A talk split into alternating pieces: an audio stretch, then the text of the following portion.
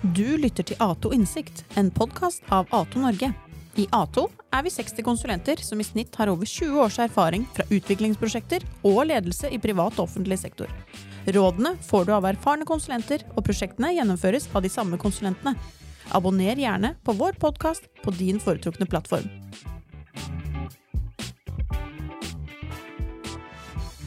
Velkommen til Dato Innsikt, podkasten som tar et dypdykk i aktuelle temaer innen digitalisering. Jeg heter Knut, og med meg i studio Killingen har jeg Knut Leo, og i kontrollrommet har vi Desiree. I denne episoden skal vi snakke om automatisering, nærmere bestemt se på resultatene fra en evaluering A2 har gjort av et automatiseringsprosjekt hos Utlendingsdirektoratet. Med oss i dag har vi Henning Denstad fra A2, han har lang erfaring innen digitalisering av virksomheter i offentlig og privat sektor. Både som IT-leder og med kvalitetssikring, evalueringer og annen type rådgivning. Velkommen til studio, Henning. Takk for det. Veldig hyggelig å ha deg som gjest. Kan du si noen ord om hvem du er, og hvorfor du er så opptatt av digitalisering? Ja, sånn av bakgrunn så er jeg sivilingeniør fra NTH. Og jeg ble tidlig hektet på de mulighetene som digitalisering kan åpne for. Og, og jeg syns det er fascinerende liksom, hvordan digitalisering både endrer og utvikler samfunnet vi lever i, virksomhetene vi jobber for, og, og for oss som enkeltindivider. Og vi, vi, oppfører oss jo på mange måter annerledes med, med, at vi lever nærmest i symbiose med mobiltelefonen. Og, og, vi forventer også at eh, bedrifter og virksomheter leverer tjenester på nye og innovative måter. Og, og, og mer sånn på samfunnsnivå så er det jo politikerne som prøver å ta inn over seg konsekvensene av alt dette, da, og alle disse teknologiske endringene og alt som skjer. F.eks. betydningen av høyere nasjonal kontroll på viktige data. Nettopp. Kan du kort fortelle om prosjektet som er utgangspunktet for dagens tema, automatisering av saksbehandling? Ja, altså det, det dreier seg om eh, automatisering av saksbehandling for tildeling av statsborgerskap. Og det vil jo si at eh, en søknad som sendes inn, den skal da kunne godkjennes automatisk dersom alle vilkår oppfylles. Og dette med statsborgerskap er et av mange saksområder som UDI ønsker å effektivisere, og det var her de startet med denne type av automatisering. Noe av grunnen til at de startet opp med dette, var at de visste, i hvert fall med stor sannsynlighet, at det ville komme en ny lov som tillater dobbelt statsborgerskap, og at det ville medføre et stort antall søknader. Og det er type søknader som det er ganske enkelt å saksbehandle, og det, det er jo perfekt egentlig å automatisere. Du sa at uh, dette her er ett av mange saksområder som UDI ønsket å effektivisere. Hvilke andre, er det noen andre saksområder er det de, de, har sett på, vet du det? Ja, Et annet område som de også har startet opp med, det er uh, det de kaller for kollektiv beskyttelse uh, av flyktninger fra Ukraina. Slik at når man da kommer, så skal man liksom ha en veldig enkel behandlingsprosess for disse. Ja, og det var vel noe som ble startet da i forbindelse med, med krigen i Ukraina, og som et litt sånn haste, hasteprosjekt? Ja, det, det, ble det absolutt. Det, det, ble startet veldig raskt, og, øh, og bygget egentlig videre på mye av det arbeidet som de da hadde gjort i forbindelse med statsborgerskap. Mm. Så tanken var liksom at de kunne ta mye av den øh, automatiseringsløsningen som da var laget, og så egentlig bare viderebruke og tilpasse den. Nettopp. Mm. Um, kan du si litt om den evalueringsjobben som uh, da du gjorde? Ja, det altså UDI de uh, hadde liksom som utgangspunkt da, at de ønsket å få et svar på om de jobbet hensiktsmessig med dette. Uh, og for å på en måte kunne gi et svar på det, da, om de gjorde det, så måtte vi jo kartlegge ganske nøye, og så måtte vi gjøre en analyse. Og basert på den analysen så ville da UDI at vi skulle gi det de kalte for velbegrunnede og konkrete anbefalinger eh, om, om, hvordan de da kunne jobbe videre med å forbedre det arbeidet som de gjorde innenfor automatisering. Så vi kom opp med en rekke anbefalinger. Mm. Da regner jeg med dere gjorde intervjuer og dokumentgjennomgang og sånne type ting, da. Ja, det var, det det var. Det var eh, intervjuer, eh, og så var det noe gruppearbeid. Eh, Og så var det jo ganske mye dokumentgjennomgang som vi måtte bruke som underlag. Mm. Hvis vi ser på denne prosessen da, som eh, de ønsket å automatisere, eh, hvem er det egentlig som søker om statsborgerskap, og hvilke offentlige instanser er det denne søkeren må forholde seg til i, i denne prosessen? Altså I utgangspunktet så kan jo alle søke om statsborgerskap, Ja. hvis de ønsker det. Mm. Uh, Men det er jo en del krav som ligger i bånn. Og, uh, og disse kravene det er ikke helt rett frem, er, for de er ikke like for alle. Uh, Det har, det har noe å si hvor gammel du er, det har noe å si når du kom til Norge, hvem du er gift med. Alt dette kan påvirke da, hvor hvor lenge du må ha oppholdt deg i Norge før du kan søke. Men hovedregelen den er at du må ha oppholdt deg minst seks av de siste ti årene i Norge. Da, da kan du søke. Og så er det jo sånn da, at det er, det er stor forskjell på, på søkere. Altså, hvis du f.eks. er en, en eh, Hvis du sammenligner en, en fra Sverige eller en fra Somalia, Mm. eh, så er det ja, svenskene de har jo den dokumentasjonen som man trenger, ID-dokumentasjon, mens det har man ofte ikke fra Somalia, Mm. eller fra Irak eller fra Syria. Enten fordi man ikke har det, eller at det kanskje er ødelagt. Og, og da begynner det å bli vanskelig å gjøre en saksbehandling. For Mm. at hvem er egentlig denne personen? Er vedkommende den som han eller hun ut, utgir seg for å være? Og, og Det er derfor de også begynte med disse litt enkle søknadene, fordi det var stort sett skandinaver og vesteuropeere som kunne søke om, eller som var si, aktuelle da, for dobbelt statsborgerskap. Og da begynte man med det. Ja, så denne automatiseringen dekker da ikke de mer utfordrende casene, sånn som hvis noen har ID-papirer men en kan stille spørsmålstegn ved, eller, som, eller kanskje ikke har ID-papirer. Eh, Det er først og fremst de som er de enkle sakene. Absolutt. Og det, og det, det var det som var målet. Eh, Samtidig så da de startet opp dette prosjektet, så trodde de at de kunne automatisere mye mer enn det de faktisk kunne når de først begynte å jobbe inn i materien. Mm. Det som målet var faktisk 70% da de startet, og det så de veldig fort ikke gikk. Og så gikk det ned til 50, og så gikk det ned til 30. Og det er der det ble. Og nå er det kanskje 35% som de klarer å automatisere. Så det viser at de, hadde, de undervurderte egentlig kompleksiteten. Trodde at det var flere enkle saker enn det var. Og at det kanskje var lettere å få tak i grunndata enn, det viste seg å være i praksis. Da kommer vi fort inn på hvordan denne prosessen egentlig ser ut, da. Kan du kort bare beskrive den søknadsprosessen? Ja, nei, det, det starter med at eh, du som da ønsker å, å få norsk statsborgerskap, du må sende inn en søknad. Så da går du inn i en webportal, og så fyller du ut data. Eh, og så sender du det inn til eh, enten det er da til politiet eller til UD. For det er det som er førstelinje her. Man må møte opp på en politistasjon og bli intervjuet, eller du må møte opp på en, eller annen utestasjon hos UD. Ja, så her i Norge så er det politiet hvis Ja. du er her. Og så er det en utestasjon hvis man er i utlandet. Ja, la oss si at du er eh, en franskmann som ønsker å søke, så går du til den eh, UDs eh, si, utestasjon i Paris. Ja, men uh, denne portalen, var det, du booket du time i den portalen, var det sånn? Eller?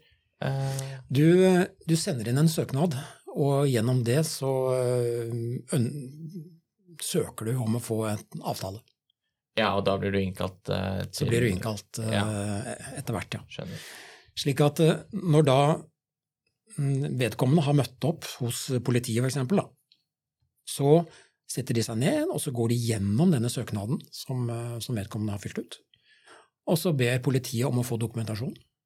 Kan jeg se på passet ditt, kan jeg se på um, andre type ID-dokumentasjon, eller, eller um, annen type dokumentasjon som bekrefter hvem du er. Og eksempel at du behersker norsk. Og så fyller man da ut det man kaller for en kontrolliste. Og, og den kontrollisten blir da sendt over til UDI. Og da starter egentlig saksbehandlingen hos UDI. Og hvis da det er en skandinavisk søker, alt er greit, så går den rett gjennom helt til eh, egentlig man bare kan trykke på knappen og si OK på et vedtak. Akkurat. Men for de fleste, som, hvis man da ikke er skandinav, og også for en del skandinaver, så må den innom PST, altså Politiets eh, sikkerhetstjeneste, for en kontroll. Og det skal vi egentlig være fornøyd med. At den må det. Og da, og da gjør PST den kontrollen, og så går den da tilbake igjen til UDI. Og, og da, hvis alt er greit, hvis PST ikke har noen kommentarer, så går den da automatisk videre i, hos UDI frem til vedtak. Ja, ehm, Kan du si noe om eh, gjennomsnittlig behandlingstid på en søknad? Og kan du si litt om utfordringene i da en typisk eh, søknadsprosess? Ja, altså En sånn type søknad kunne jo ta veldig lang tid før, og det, og det kan den faktisk fortsatt også, hvis den ikke er automatisert. Og eh, det kunne være hele ett til to år før man faktisk eh, fikk en, en skal si, endelig behandling av, av søknaden. Såpass, ja. Og, og, og det kunne være ganske frustrerende, fordi at man kunne f.eks. gå til politiet og få en vandelsattest. Den har varighet på tre måneder. Hvis man ikke blir kalt inn til intervju i løpet av de tre månedene, så er jo ikke den gyldig lenger. Og så må man tilbake og få en ny vandelsattest. Ikke sant? Sånne type ting. Som, Ja, det er sikkert ventetid for å få vandelsattest. Også. det er det sikkert. det er liksom rykke tilbake til start, da. Det er det, altså. Så, så, så tidligere så var det jo eh, utfordringer i forbindelse med kapasitet hos saksbehandlere. Eh, Det var heller ikke noe sånn tydelig prioritering mellom enke og komplekte saker. Altså det, alle sakene gikk liksom inn i samme kø inn til saksbehandleren. Mm. Og da kunne de jobbe lenge med en sak, og så blir da enkle saker bare liggende, som de da tok kanskje på fem minutter. Eh, Så det bidro da til at en gjennomsnittlig eh, ventetid ble høy. Og så var det jo i større grad før enn det er nå, så var det utfordring med datakvalitet. Data var registrert på ulike måter i ulike systemer, ofte i gamle systemer. Det kunne være vanskelig å finne frem ting. Ja, det var det både internt i UDI, eh, men også kanskje data de fikk inn, da. Ja, det er riktig, for det, det er mange registre de skal inn i, og det er, det er ikke bare egne interne registre. Så, så det forutsetter også f.eks. at dataen ligger riktig i folkeregisteret. Ja, nettopp. Ja. Mm. Det ser jo ut til at det er mye å ta tak i her, da. Ehm, eh, Hvordan gikk UDI frem? Altså de, de startet dette her egentlig som en helt vanlig teknologianskaffelse, hvor oppdraget gitt ut på å utvikle et system, rett og slett.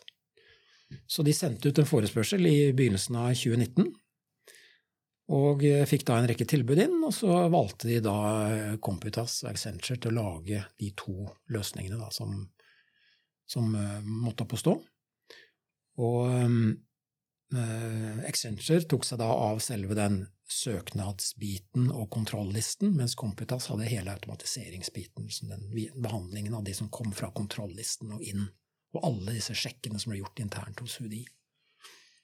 Men ble det gjort noe kartlegging eller eh, noe sånt før denne anskaffelsen eh, gikk ut, eller egentlig i forbindelse med å utarbeide kravspekk og sånne ting? Ja, altså det, det ble laget en, en relativt grundig kravspekk. Det ble det. Ja. Så, um, så da, da var det jo en del ja, intervjuer og kartlegging da, som de gjorde internt. Og det var i og for seg en, endte jo opp med å bli en liten utfordring, da, fordi at eh, det viste seg jo at når de da skulle begynne å lage en sånn løsningsbeskrivelse, da, som Computas var helt avhengig av for å kunne begynne å utvikle, Mm. så var ikke de kravene presise nok, de var ikke gode nok, de var ikke dekkende nok. Så de måtte gjøre veldig mye av den jobben om igjen.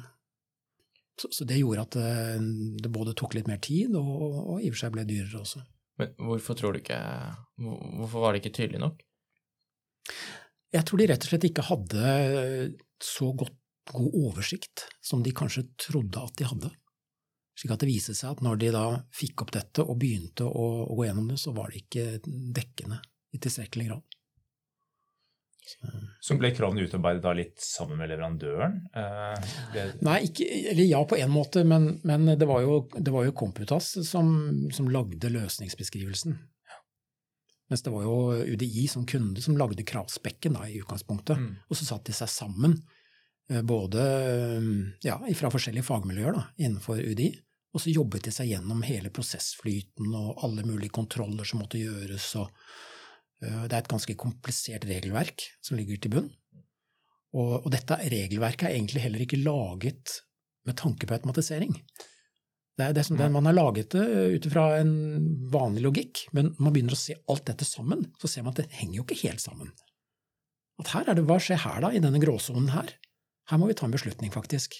Og, og da må de jo sette seg ned og bestemme da, hvordan de gjør det i en sånn type gråsone. Men hva gjorde man med det, da? Dette med regelverk? For der er det vel kanskje andre som har myndighet til å Det er jo ikke bare bare å endre, endre et regelverk. Nei, det er jo ikke det. Så mye av dette var nok eh, også tolkninger, slik at disse tolkningene er sånn type praksis da, som Ja. UDI hadde innarbeidet gjennom mange år, det var den det egentlig tok tak i. Ja. For det er riktig som du sier, at hvis det endrer en, en forskrift f.eks., for så må du jo eh, en helt annen prosess inn. Vi kan snakke om et lovverk. Ja, ikke Da må det til Stortinget. ikke sant? Men det var ikke nødvendig. Nei. Det var eh, mer sånn tolkningen av det. Det var eh, sånn Men- tilstrekkelig, eller praksisen, da. Ja, det er riktig, men noe som var egentlig litt interessant, da, det var jo at um, sjefen for UDI ble jo av dette arbeidet her også veldig bevisst på hvor viktig det er å ha et automatiseringsvennlig og digitaliseringsvennlig regelverk. Slik at han Mm. gikk jo da ut, Frode Forfang heter han, han gikk jo da ut og, og, og skrev f.eks. kronikk i DN om dette. Og det ble veldig mye trigget av dette prosjektet, at han så Det ble veldig tydelig da, hvor viktig dette er. Men når man automatiserer, så vil man også få en konsistent eh, hva skal vi si, praksis. da, At, all, at eh, alle søknader blir jo behandlet eh, likt. For er det forskjellig Ja, saksbehandler kan jo også tolke regelverk forskjellig, vil jeg tro. Absolutt. Så, så det er jo en fordel ved dette, at det blir en, en konsekvent gjennomføring. Ja, og jeg, jeg tror at dette her er overførbart til også andre, andre offentlig eh, eh, saksbehandling og, og hvor det er regelstyrt, da. Eh, hvor det sikkert eh, kunne hatt mye å gå på, eh, i hvert fall for å muliggjøre i større grad automatisering, kanskje gjort saksbehandlingen enklere ved å gjøre noe med regelverket. Mm. Eh, forenkle det og gjøre det mer eh, automatiseringsvennlig, som du sier. Ja, det er jeg helt overbevist om, at uh, her er det mye å hente. Men jeg er litt interessert i å gå tilbake til dette med, med datakvalitet. Ja. Fordi at uh, da er vi jo inne på at, at det, her er det jo også andre aktører enn UDI selv som må gjøre noen endringer i måten de, de jobber på. Altså Første instans her var jo politiet. Eh, og de, eh, de må jo da også gjøre noe med, med måten de jobber på for at dataene skal komme inn på, på riktig måte eh, i, i UDI, sant? Mm. Absolutt. Det er, det, det er- det ikke bare hos UDI, fordi det er akkurat som du sier, at denne, denne kontrollisten det høres jo veldig sånn uskyldig og enkelt ut. Ja, Det er bare en sånn liten sjekkliste, er det ikke det? Ja, det er på en måte det, men hvis du ser på hvordan politiet gjorde det før, så var det ja, det var vel omtrent én sjekkliste per politikontor. Ja, ikke sant? Så alle var Og noen, noen hadde jo egentlig bare dette i hodet. De visste hvilke ti punkter de skulle gjennom, og det bare Ja, vi sjekker pass, og vi sjekker ditten, og vi sjekker datten. Og, og, og, så dette ble gjort på forskjellige måter. Og eh, når man da skulle bli enige da, om at eh, jo, vet du, hva, det er ikke disse, bare disse syv punktene, nå er det faktisk 15 punkter vi skal gjennom, så, så kunne de si at ja, men dette her er jo, dette stiller jo nye krav til oss. Det betyr jo at eh, jeg må jo finne frem den og den type informasjon, og jeg må sette sammen sånn og sånn. Og det blir mer jobb. Så, så sånn sett så var det faktisk litt motstand til å begynne med på denne måten å gjøre det på, fordi at det innebar ifølge politiet mer arbeid for dem i første runde. Og da er jo argumentasjonen fra UDI er jo hele tiden at ja, vi må se helheten. Vi må se hele flyten. Mm. Og da blir det en besparelse når du slipper å gå tilbake ved at det er en ikke-komplett kontrolliste som ikke blir godkjent hos UDI. Da må man jo tilbake igjen. Ikke sant? Og har de klart eh, å få politiet til å ja, endre praksis, da? Ja da, absolutt. Så, så, nå jobber man jo standardisert etter denne kontrolllisten, både hos politiet og hos uh, Utenriksdepartementet. Ja, så da, Det høres ut da at uh, som om da har jo datakvaliteten uh, antakeligvis hevet seg betraktelig, da? Ja, det vil jeg hevde, mm. fordi man spør jo nå om de samme tingene, og det er dokumentert enhetlig. Det er sporbart. Så, så, så, det er ikke tvil om at den biten der har bidratt til å løfte datakvalitet og og, og, ikke minst den som du sa i sted, nettopp dette med konsistens. Man skal jo selvfølgelig spørre om de samme tingene, av, uavhengig av om du er på politikontor i, i, i Kirkenes eller, eller Kristiansand. Det har jo noe med likebehandling å gjøre, ja, absolutt. og det mm. er det jo naturligvis krav om. Mm. Så, men det er jo interessant det med at eh, det fordrer jo at de ulike Hvis, hvis man generaliserer det her til andre typer saksbehandlingsprosesser, f.eks., så fordrer jo det at eh, hver enkelt del av eh, denne prosessen evner å se helheten eh, og deres bidrag inn der. Så det er noe som kan virke unødvendig for dem. Ved å se helheten, så, så ser en at den gir, eh, kan gi stor verdi senere i rekken. Da. Mm, absolutt. Og det, og det, var et av de viktige rådene som vi ga til eh, UDI. Det var å se hele utlendingsforvaltningen samlet. Du må se hele arbeidsflyten, hele prosessen, fra A til Å. Det er ikke nok at det bare automatiseres hos UDI. Det er fint, det. Det er et viktig skritt i riktig retning. Men for en person som skal søke om statsborgerskap, så hjelper jo det fint lite hvis først må vedkommende vente i, i, i tre måneder for å få oppmøte hos politiet. Og så starter prosessen, og så går det jo to uker da, eh, med PST-behandlingen. Ikke sant? Så i, i, prinsippet så kunne denne prosessen gå på under et sekund. Hvis all informasjon var til stede? Og... Hvis all informasjon er dokumentert riktig inn i dette søknadsskjemaet som starter det hele, hvis man har de rette vedleggene og de rette linkene og de rette bekreftelsene, så trenger man jo ikke møte på hos politiet. Nettopp. Og det gjør man i England, har de kommet videre med dette. Akkurat. Så der har de automatisert også den biten. Og da kan de jo i prinsippet egentlig bare legge inn alt. Alt du har søkt, eller all den informasjonen som du har lagt inn i søknadsskjemaet ditt, den er i orden. Alle de kontrollene som gjøres i etterkant, er i orden. Og da kan du egentlig få grønt lys på skjermen din i løpet av egentlig et sekund eller to. Et tastetrykk. Et tastetrykk, ja. Yes. Ja, jeg tenker at Engelskmennene der, de har vel ganske stor, et større trykk på, stats, på søknad på statsborgerskap enn Norge. Så jeg tenker at de er mm. helt avhengig av å få effektive prosesser på det. Mm.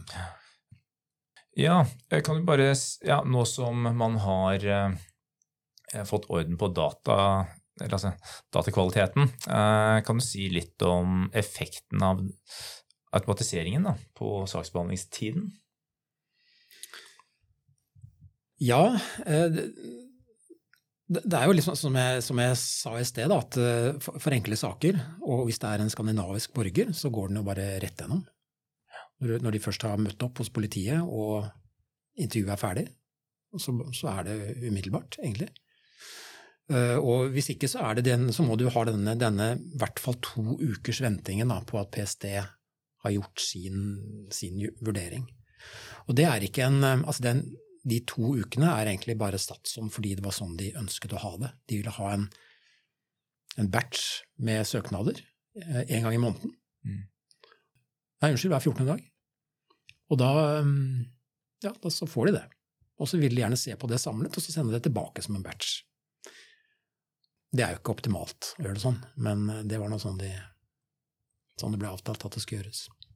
Ja, og så kan man jo si at eh, PST er jo en gjør en svært viktig jobb oppi, oppi dette her. Eh, også den kontrollen de gjør, eh, er vel essensiell, slik at det er noen som ikke skal ha statsborgerskap, som, som får det. Selv om man helst da ville kanskje hatt med på, hatt med på laget her. Mm. Og i større grad kunne, Eller kunne fått det gå enda raskere, da. Jeg tenker at man, man, man tar det noen, noen, skritt av gangen. Mm. Og dette her er en, en, et fint første løft som har bidratt mye positivt. Og så kan man bruke litt tid på å finne ut hvordan dette kan gjøres videre. Og eh, vi må huske på at eh, PST driver med veldig mye annet enn dette her. Dette er egentlig en veldig liten bit av deres eh, ansvar å gjøre sånn type kontroll som dette. Mm. Så det er liksom ikke helt øverst på prioriteringslista heller, når de skal liksom se på hva de skal satse på. Men, men la oss håpe at det blir en utvikling der også. Mm. Mm. Vi har snakket om automatisering.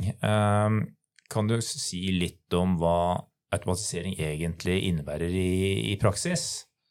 Og hva er forskjellen på automatisere og det å bruke en robot? Ja, altså Å, å automatisere vil jo innebære jo at man, man, tar tak i en arbeidsprosess med, med en, en, rekke skritt og, og si, sjekker og sløyfer som, som, man legger inn den, og så ser man hvordan kan jeg gjøre den smartere kan jeg klare faktisk å gjøre den uten menneskelig inngripen i det hele tatt. Da legger man jo opp til å jobbe smartere og bedre og annerledes. Så det er jo en veldig en sånn, en sånn åpenbar effektivisering. Og, og, når man effektiviserer, så kan man også da selvfølgelig spare penger. Så det er jo liksom effektivisering og kostnadsbesparelse, det er jo ofte det driveren da, for å, for å automatisere. Når det gjelder robotisering, så er det liksom et litt annet formål. For der, der, bruker man jo en, en digital robot uh, for å gjøre oppgaver uh, uten at uh, en, svaksam, en, saksbehandler er involvert. Og, og, men denne roboten den simulerer da en saksbehandler, så kan, man kan ha et skjermbilde oppe av et system. Og så går egentlig roboten den bare går fra felt til felt og sørger for at det blir fylt ut og at data hentes fra en eller annen applikasjon inn i et felt, og når alt er fylt ut, så klikker den OK, og så går den til neste skjermbilde. Si den ruller og går og ruller og går. Den tar ikke lunsj, og det er uh, jobber 24-7. det er veldig greit, ikke sant? Så den gjør det samme som en person hadde gjort? Ja. Så det er egentlig en sånn ren produktivitetsforbedring. Den, jobber raskere og uh, lenger. Og kontinuerlig, nærmest. Og kontinuerlig, og ja. klager aldri, ikke sant. Nei, Får ikke lønnspålegg igjen. Sånn Men når vil det da være hensiktsmessig med det ene kontra det andre, eller? Ja, ikke sant. Det, det, det, er, og det er her man da må finne en, en eh, balanse. da. Liksom, når skal man automatisere, når skal man bruke en robot, og når er det egentlig like greit å bruke en manuell saksbehandler? Og eh, det er jo sånn, Hvis man skal si det litt sånn enkelt, da, så kan man jo for det første må man bestemme seg for hva man ønsker å oppnå. Hva er egentlig målet med dette her? Og hvis man ønsker å egentlig bare få til produktivitetsendring, eh, ganske lav inngangsterskel, lav investering, så er en robot fint. Det er kjapt å komme i gang, og det bare ruller og går. Men hvis du skal eh, på en måte transformere noe og, og mm, som gjør litt større endringer, så er det lurt å automatisere det, det, krever jo et, et, mye større arbeid da, med å utvikle, og det koster mer, og det tar mer tid. Men så får det en større effekt. Så Det må man egentlig finne ut av før man starter, uh, hva som er lurt. Og, og jeg, har, jeg, kjenner til et annet eksempel hvor, hvor man egentlig begynte med begge deler. Altså vi, vi, vi, vi, starter med, med, roboten fordi det er fint å bare komme i gang, og det, kan, mm. det vil eh, være regningssvarende. Men vi ønsker å automatisere dette. Og så tar automatiseringen mye lengre tid enn man tror. Mye mer komplisert regelverk enn de trodde. Eh, og det kommer også færre saker inn enn de trodde. Det vil si at man bygger da noe som er ganske dyrt, for egentlig å håndtere relativt få saker, og roboten spiser, av, spiser unna hele backloggen. Slik at, eh, at, til slutt så er det egentlig nesten ikke noe å ta for den for automatiseringen. Ja, og da er jo det et dårlig prosjekt, ikke sant? Ja. Gevinstene der eh, vil jo ikke være noe særlig. Når, Nei, vil jo ikke det. Men i dette tilfellet her med, hos UDI så var det automatisering. Eh, vet, vurderte man robotisering? Nei, ikke på det prosjektet. Nei. Men eh, de har vurdert eh, og de har, de har, tatt i bruk roboter også, i ettertid. Vi har jo vært litt inne på det, men uh, denne automatiseringen uh, Fra UDI sitt uh, ståsted og, og, mer generelt, vil man si at det økte kvaliteten på vedtakene? Ja, altså det, det, er, det, er, jo grunn til å tro det. Eh, det har jo å gjøre med både at datagrunnlaget ble bedre, det ble man jo tvunget til, for dette er jo helt nådeløst, ikke sant. Er ikke dataene der, eller de er av dårlig kvalitet, så, så stopper det jo litt opp. Mm. Så, så, så, de var jo nødt til å jobbe med, med datakvalitet, og når også da prosessen ble bedre, så, så, er det sånn som vi, vi, snakket om i sted, at det er en mer konsistent saksbehandling. Der, der man sikrer i større grad at det blir likebehandling. Mm. Og UDI sier jo selv at de tror at dette har bidratt til økt, økt kvalitet. Men, men, de har egentlig ikke, de har ikke sånn eh, helt konkrete tall på det. Det har de ikke. Men kan det måles med færre klager, eller Ja. Eh, mm. ja. Ikke sant? Mm. Vet du om man har sett på det? Nei, du, Nei. Det, det, det, er jeg ikke sikker på hva de har gjort med det. Men, men, det er jo en sånn tydelig indikator at uh, hvis, hvis, folk ikke klager på et avslag, mm. eller færre klager på avslag, så kan jo det bety at uh, Eller hvis avslaget faktisk blir opprettholdt, at det var riktig i utgangspunktet, så, uh, så kan det også tyde på at det var et riktig vedtak, mm. vil jeg tro.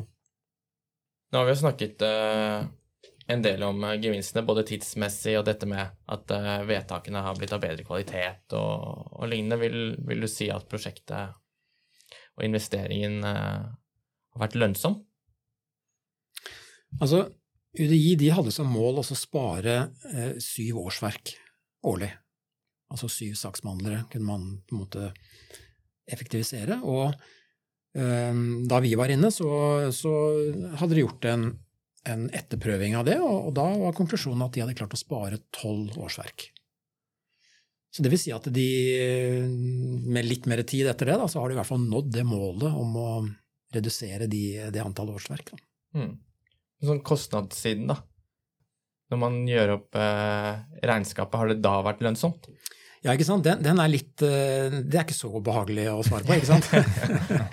Fordi eh, prosjektet ble en del dyrere enn, en de hadde planlagt opprinnelig. Eh, men i og med at de har klart å ta ut den gevinsten, da, så, så, betyr jo det egentlig bare at eh, det går litt lengre tid da, før de på en måte går i break-even. Ja. Eh, men, men når de regner med at i løpet av en fire til fem år, så, så, skal de ha gått til null. Mm.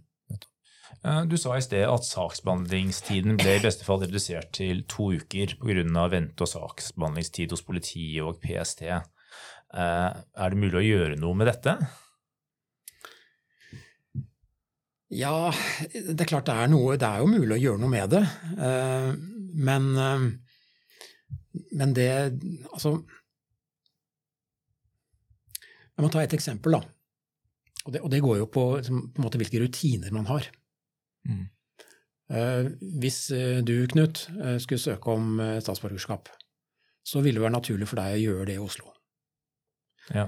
Her er det tre måneder ventetid. Og så går du inn, eh, og så sjekker du litt på nettet, og så ser du at eh, i Asker så kan jeg faktisk få time på en uke. Og da tenker du ja ja, da, da drar jeg til Asker, da. Men det er ikke lov.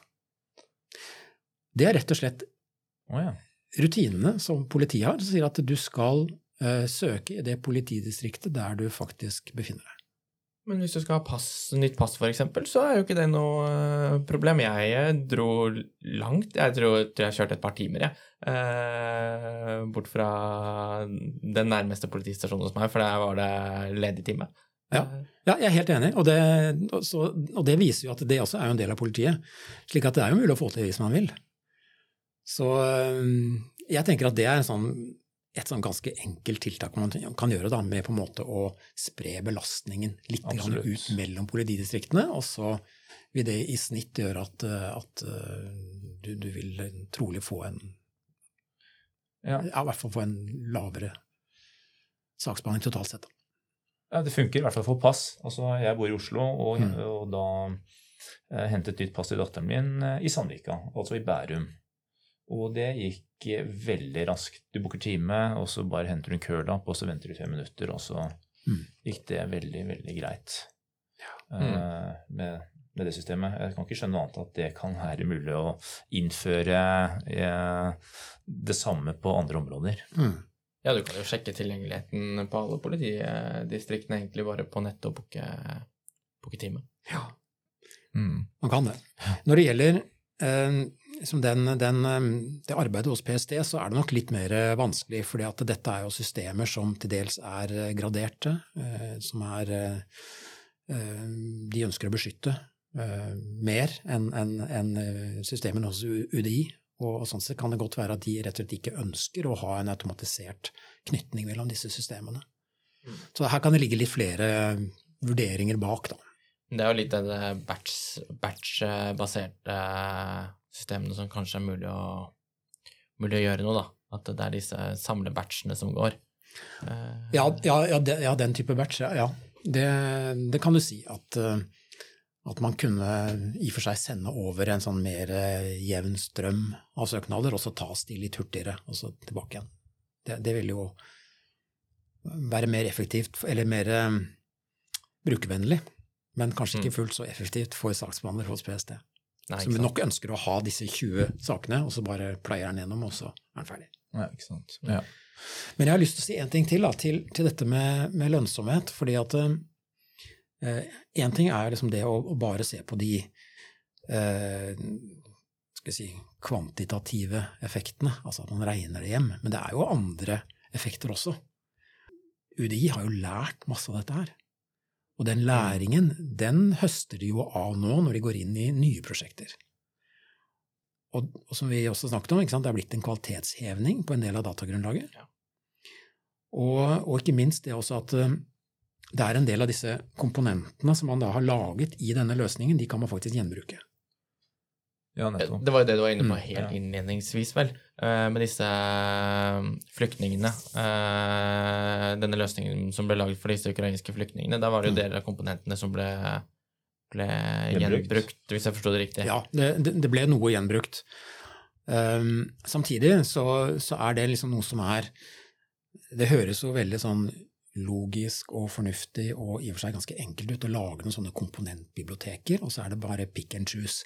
Og så løfter du det inn i noen nye løsninger, og så er alt fint. Men så enkelt er det dessverre ikke i praksis. Det er eh, hele tiden endringer som, som man har behov for å gjøre, og, og ta ting sånn i bruk én til én um, er ikke så lett, altså. Og det sleit de med her. At de, de ønsket å ta i bruk, og, men de måtte faktisk skrive om en del. Da ble litt innom den tekniske løsningen.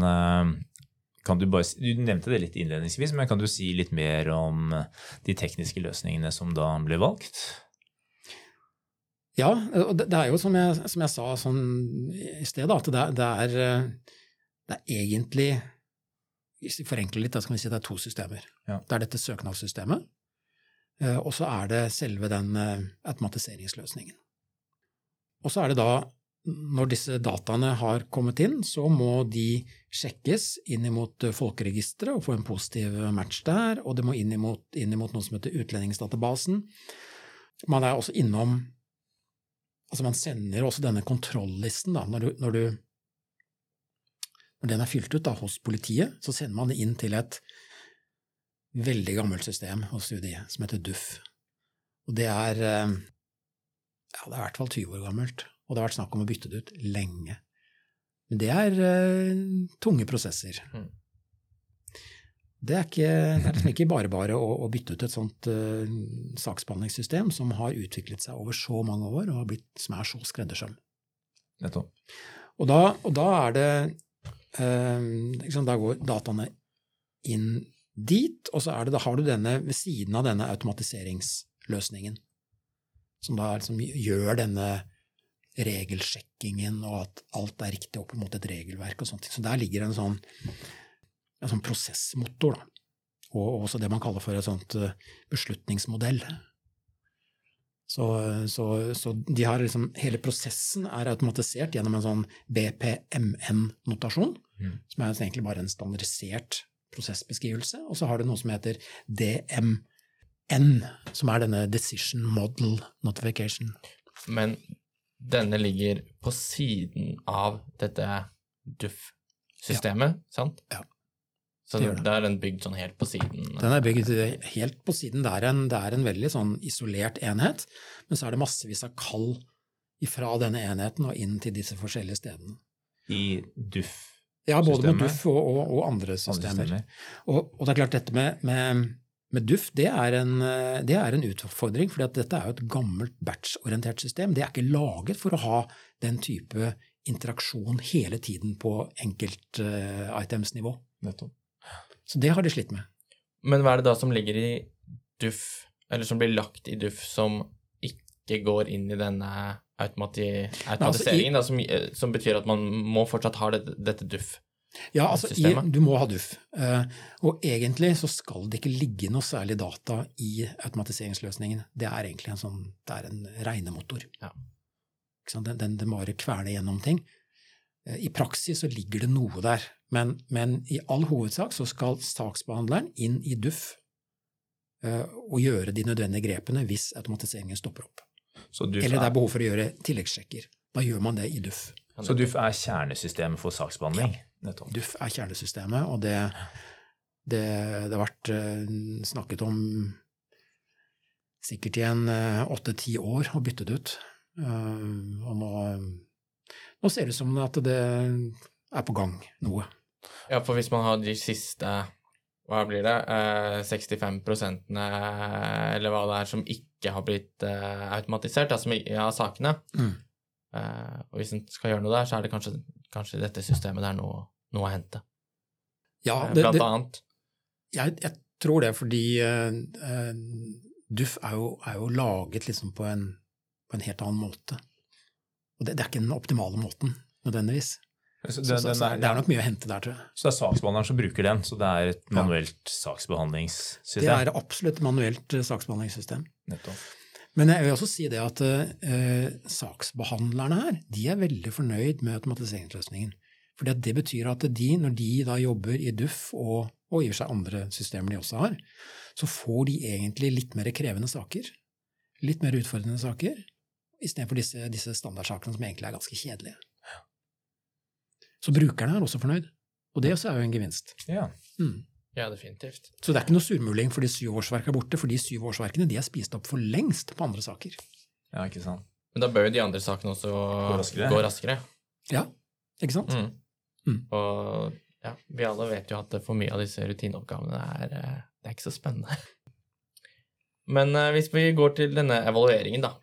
I gjennomføringen av eh, evalueringen dere gjorde, hvilke funn er det du, du vil trekke fram derifra? Vi har jo vært inne på noe, men hvis man kan bare ta sånn helt overordnet hvilke dere, dere fant.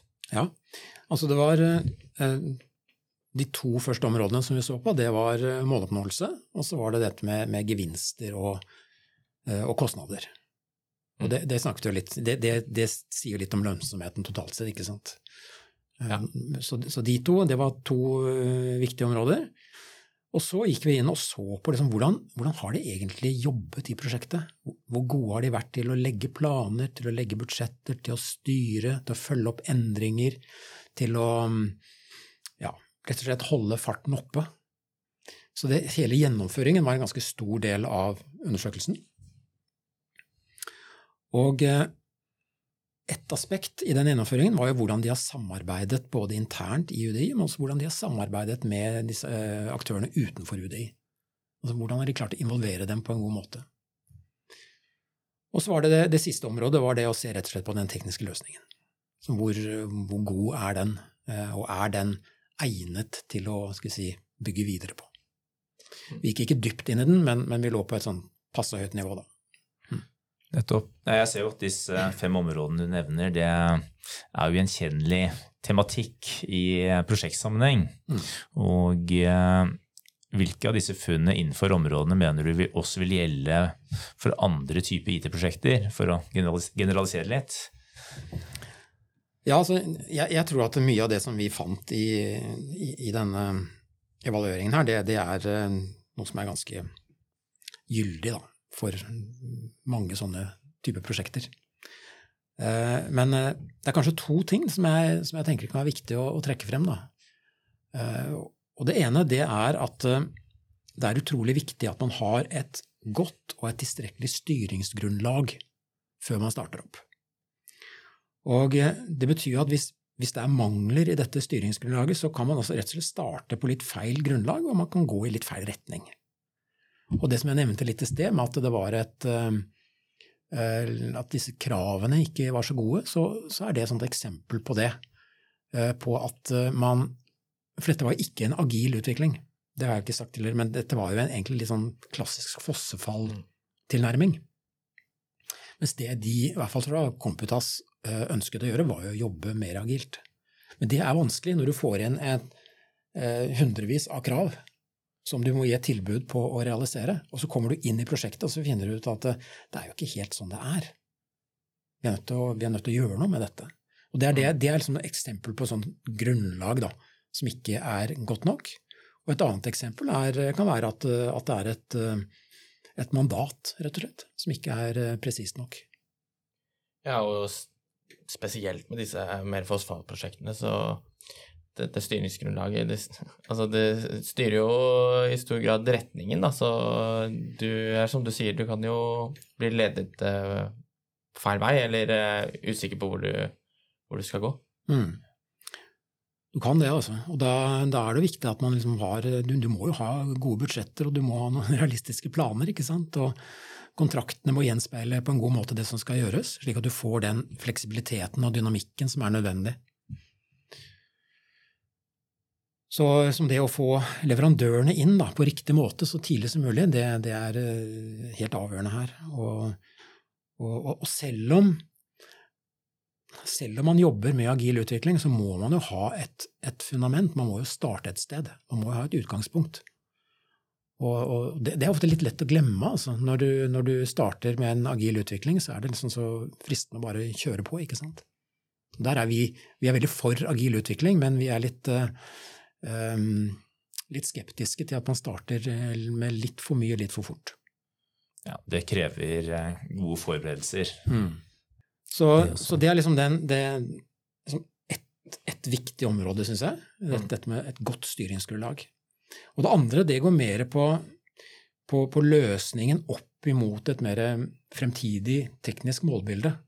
At man faktisk jobber i en retning som er langsiktig riktig for virksomheten. For det, her kan man veldig fort eh, komme i gang med, med, både arkitekturer og verktøybruk og måte å bygge datamodeller på som gjør at det, det, mm, ikke er optimalt i forhold til hvordan man vil ha det fremover. Mm. Det kan kanskje være riktig i forhold til hvordan man har det nå, men ikke i forhold til hvor, hvor man vil. Det er ikke nødvendigvis noen liten utfordring. Men var det noen i eh, UDI da som ga noen klare overordnede føringer i nettopp arkitektur og datamodell og sånne ting, eller var det var det, det som var litt mangelfullt? Det, det var litt mangelfullt, og uh, man inngikk jo denne kontrakten med en del forutsetninger, og der lå det ikke sånne føringer. Eh, men når de kom i gang, så begynte noen føringer å komme på et litt overordnet nivå. Og da, det, da så vi at det ble en kollisjon rett og slett mellom hva prosjektet ville, og hva IT-avdelingen internt ville. Ja, Det er vel ikke bare å slippe inn et nytt system som vil pirke borti andre systemer, og jeg regner vel med at det var vel en av driverne til å kanskje få noen føringer. Sånn, IT-avdelingen ønsker jo ikke å ha sånne gjøkeunger eller sånne som ligger på siden. De vil, de vil ha noe som, som, går inn i favnen, er, mm. eller folden, eh, og som er ganske lette å, å drifte og vedlikeholde. Og når man da egentlig opplever at eh, ja, systemet er fint, det, men det innebærer jo at vi får mer teknisk gjeld. Det ønsker jo mm. ikke en IT-avdeling. Så her var det, det var ganske, ganske harde konflikter, faktisk, eh, eh, mellom den interne IT og prosjektet. Hadde mer vært tydeligere tidligere, så kunne jo rett, allerede på, i tilbudsfasen så kunne man jo allerede da sagt at jo, man skal faktisk jobbe med disse verktøyene, og man skal ha disse prinsippene til grunn og slike ting. Men, og da hadde det vært lettere å få inn, tror jeg. Ja, men uh, det var ikke slik at uh, IT, uh, med de føringene som kom fra dem, på en måte satt for store begrensninger på hva, hva som faktisk var mulig å gjennomføre, så prosjektet på en måte ikke helt lot seg gjøre? Var det såpass harde begrensninger, eller var det mm. Ja. Det, var det faktisk, fordi det da typisk komputas Computas sa, det var jo at eh, det er ikke disse forutsetningene vi har lagt til grunn når vi har kalkulert dette her. Det vil si at dette er merarbeid, dette er merkostnad, dette tar mer tid, og vi ønsker heller ikke å gjøre det. Vi mener også det er feil å gjøre det sånn i forhold til optimal bruk av dette verktøyet som vi har med, Mm. ikke sant. Så, så, og, og da var det til slutt sånn at, eh, at eh, prosjektet på en måte vant denne kampen. Da. Um, og, det, og det illustrerer også noe av det som jeg sa i sted, med at eh, det å ta en komponent fra dette prosjektet og bruke det videre i neste, når man da har gjort en del læring og sier at nå skal vi i hvert fall jobbe mer i forhold til et fremtidig målbilde, ikke sant? da er det ikke helt da er det ikke helt én til én. Nei, Men hadde IT vært involvert i kravutarbeidelse eller tidlig i anskaffelsen, da hadde man kanskje ikke fått den optimale løsningen? Vil man kunne si det? Nei, jeg, vet ikke helt om jeg kan Nei. si det, men, eh, men de kunne nok godt ha vært med på et tidligere tidspunkt og på, et, på en litt annen måte. Ja. De kom inn litt for seint, sent, ja. og da er det vanskelig. Men vil det si at den løsningen egentlig ikke er helt sånn kompatibel med, med resten av hva skal man si, arkitekturen og, og, og sånn i, i UDI, da? Ja, delvis så er nok det riktig å si. Uh, og det er nok en enighet om at det, det er litt teknisk gjeld som man faktisk har bygget opp her, fordi det er litt spesialvarianter som er gjort. Uh, samtidig så er det ting som kan rettes opp i ettertid. Uh, men erfaringen viser vel om at man ofte ikke gjør det. Vi har snakket litt om lønnsomhet allerede, hvor vi konkluderte med at prosjektet trolig så er det, så er det lønnsomt. Uh, men er det noen funn utover dette du, du ønsker å trekke frem? Mm. Ja, faktisk, fordi eh, jeg, jeg snakket jo litt om, om dette med styringsgrunnlaget uh, i sted, Uh, og også denne, denne arkitekturkonflikten. Mm. Og, og begge, det, begge disse to forholdene egentlig det viser hvor viktig det er å ha prioritert hvilke styringsparametere man skal ha i et prosjekt. Er det tid, kvalitet eller kost som er det aller, aller viktigste når du får kniven på strupen? Begge, alle tre deler er selvfølgelig viktig, men, men eh, hva er viktigst av de tre? Fordi den lille historien i sted, den illustrerer jo at eh, fra prosjektet sin side, så er det jo tid og kost som er det avgjørende. De har forpliktet seg med en kontrakt. De har en ramme. De skal levere. Det er dagsmulkt, ikke sant? Mm. Mens en IT-avdeling, de tenker ikke sånn. De tenker kvalitet. Og det er egentlig den grunnleggende konflikten, ikke sant? Og dette har jeg sett i andre prosjekter også, hvor det har blitt, eh, faktisk blitt så ille at man uh, har endt opp med, med mm, så stor uenighet at kontrakter har blitt sagt opp. Så, så det, er, det er veldig lett å si liksom at ja, ja, men er det så viktig om man skal prioritere tid, kost eller kvalitet? Men ja, det kan faktisk være veldig viktig. altså. Men det er jo en sånn klassisk, eh, klassisk problemstilling, og det også da i ulik eh, grad i prosjekter. Men eh, det er som du sier, det er, det er noe med å ha en tydelig forankret eh, prioritering å styre etter, rett og slett. Mm. Det er det. Det med konflikt kunde-leverandør er jo uh, noe som kommer opp som du har, du har sett, som du sier. Mm. Har du noen tydelige eksempel eh, på hvor det har virkelig gått til det, det ekstreme? Ja da, det, det har jeg. Og, det, uh, og dette er jo en, en, en kjent sak som har vært i, i, i media, hvor vi var uh, involvert underveis i prosjektet. Og det er den rettssaken som det var mellom IBM og Statens vegvesen i forbindelse med bygging av en ny bompengeløsning. Og eh, den har jo nå vært gjennom to rettsinstanser, og, og, og jeg var inne som vitne i, i begge de to rettssakene, fordi at vi var kvalitetssikrer for begge to. Og eh, jeg syntes det var ganske interessant hvordan dommerne i, i sin eh, domsavsigelse så la de veldig vekt på at det var forskjellig syn på styringsparametere.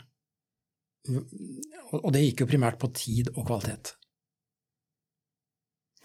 Og hvor eh, IBM oppfattet veldig, veldig tydelig at det var tid som var avgjørende, Mm. mens eh, Vegvesenet eh, var mer eh, vinglete på det, vil jeg si, men, men endte også opp med å argumentere for at det var kvalitet. Og dommeren eh, sa rett og slett at eh, det er et, et viktig grunn til at faktisk IBM ble tilkjent erstatning. Det var at, eh, at de, de, støttet IBMs oppfatning da, av hva som var den gjeldende styringsparameter. Nettopp. Og ja. da er det jo, som du sier, viktig at dette bør være avklart veldig tidlig i prosjektet. Og det er vel en styringsgruppe som, som er på en måte øverste organet av et prosjekt. Og der sitter jo også kanskje leverandøren også i styringsgruppa, eller? Nei, ikke styringsgruppa, men de, vi hadde en såkalt koordineringsgruppe hvor, ja. hvor, begge parter var med. Ja, nettopp. Og, og eh, ja, ble, ble man, det er jo der man også må bli enige om hvilke styringsparametere man skal styre etter, og hva som er viktigst. Absolutt. Ja. Så, så, det var et sånt eksempel på hvor langt det kan gå. Ja. Uh, og, ja. Mm. Uh, jeg syns alltid dette med interessehåndtering i prosjekter det er, eh, det er litt interessant, uh, og er jo ofte en, en, utfordring. Hvordan ble samarbeid og forankring i, i prosjektet håndtert i, i UDI? Nei, altså det er jo ikke bare UDI, men det er jo også flere etater som er involvert. Og da er det ekstra viktig å sikre at det er en god forankring på tvers av disse. Innenfor hele utlendingsforvaltningen. Og jeg syns jo egentlig at eh, de håndterte dette bra i prosjektet etter hvert, men, men de kom for sent i gang, spesielt med endringsledelse. Det er veldig viktig at alle de som er involvert, blir forberedt på den endring som kommer, og det så tidlig som mulig, og så tydelig som mulig. Og um, jeg ble i hvert fall fortalt uh, når vi intervjuet folk, at det var mange som liksom ikke de, de så ikke helt hva som traff dem. Og, mm. Uh, og, og da, da, blir jo på en måte utfordringen og jobben større når de da til slutt ser dette. Mm. Og da er prosjektet kommet ganske langt. Så, så, alle var nok veldig enige om at de skulle begynt å jobbe tidligere med å forberede på de endringene som ville kommet, og at de som, som var representanter da, fra de forskjellige virksomhetene i sånn typisk en styringsgruppe, burde vært flinkere til å snu seg inn mot egen organisasjon og forberede og berede grunnen da, for de endringene som skulle komme der. Ja, for de var forsøkt involvert ved at de nettopp var representert. Uh... De var representert, og så trodde man liksom at, det, at det at de er med i styringsgruppe, er nok. Men det er det ikke, for når man er med i en styringsgruppe, så må man også være veldig bevisst hvilken rolle man har, og hvilket ansvar man har. Man representerer ikke seg selv, man representerer faktisk virksomheten. Mm. Og det vil si at det man da eh, formidler og er med på å beslutte, da forplikter jo din egen virksomhet, og så må du gå også tilbake og passe på at dører er åpne, og at ting er lagt til rette for prosjektet, som da vil komme inn med praktiske ting. Men hvis ikke det er gjort, og prosjektet prøver å komme inn med praktiske ting, så butter du lett. Ja, da blir jo fort prosjektet på en måte liggende ved siden av organisasjonen, og så ja. får du aldri Når du kommer til å skal implementere det her, så møter du en, møter du en stopper, da. Mm. Det er riktig, og det, og det gjorde de, men, men, etter hvert så, så, ordnet det seg, da. Så de, det, det, ble bra etter hvert, altså. Det ble det. Mm. mm. Ja, Vi nærmer oss slutten her, Ning. Eh, så avslutningsvis, eh, hvis jeg da skulle bli prosjektleder for et tilsvarende prosjekt, Eh, hvilke råd ville du gi meg? Ja. ja, det kan du si. Altså, skal man si? Søk råd hos erfarne feilfolk. Nei, altså, ingen prosjekter er jo like, og, og, men, men, jeg si at det er overraskende mye erfaringsmateriale som man kan lære av. Og, og man må jo finne ut av dette selv, rett og slett mm. finne sin vei. Men eh, jeg tror nok et sånt litt sånn overordnet råd er liksom det ikke, ikke være redd for å spørre om råd hos noen som har vært ute og, og gjort sånne ting før. Nei, ikke sant. Det er jo det. Jeg tenker man, eh, Vi er jo konsulenter og har vært innom vi er, eh, Det er prosjektarbeid som er vårt virke. Og jeg tenker at det er veldig viktig å gjøre refleksjoner etter endt prosjekt som man kan ta med seg til neste prosjekt. Uh, og det er kanskje noe man ikke ofte har tid til å reflektere altfor mye mm. over heller. Og Da vil jeg jo si at, eh, at UDI har vært helt for, forbilledlig ved at de gjorde denne evalueringen. Nettopp. At de faktisk satte i gang dette og brukte penger på det. Og de har virkelig tatt den til seg. Og de har uh, brukt det for alt det er verdt. Og jeg har vært og presentert det mange ganger. Alt fra ledergrupper til allmøter. Og, og de er veldig opptatt av å um, skal si, gå gjennom tiltakene som vi har anbefalt, forstå dem og se hva de kan gjøre ut av det. Så de er veldig interessert i å lære. Så veldig positivt, faktisk. Ja, og vi er også veldig glad for at du deler eh, dette med oss her i denne podkasten. Mm.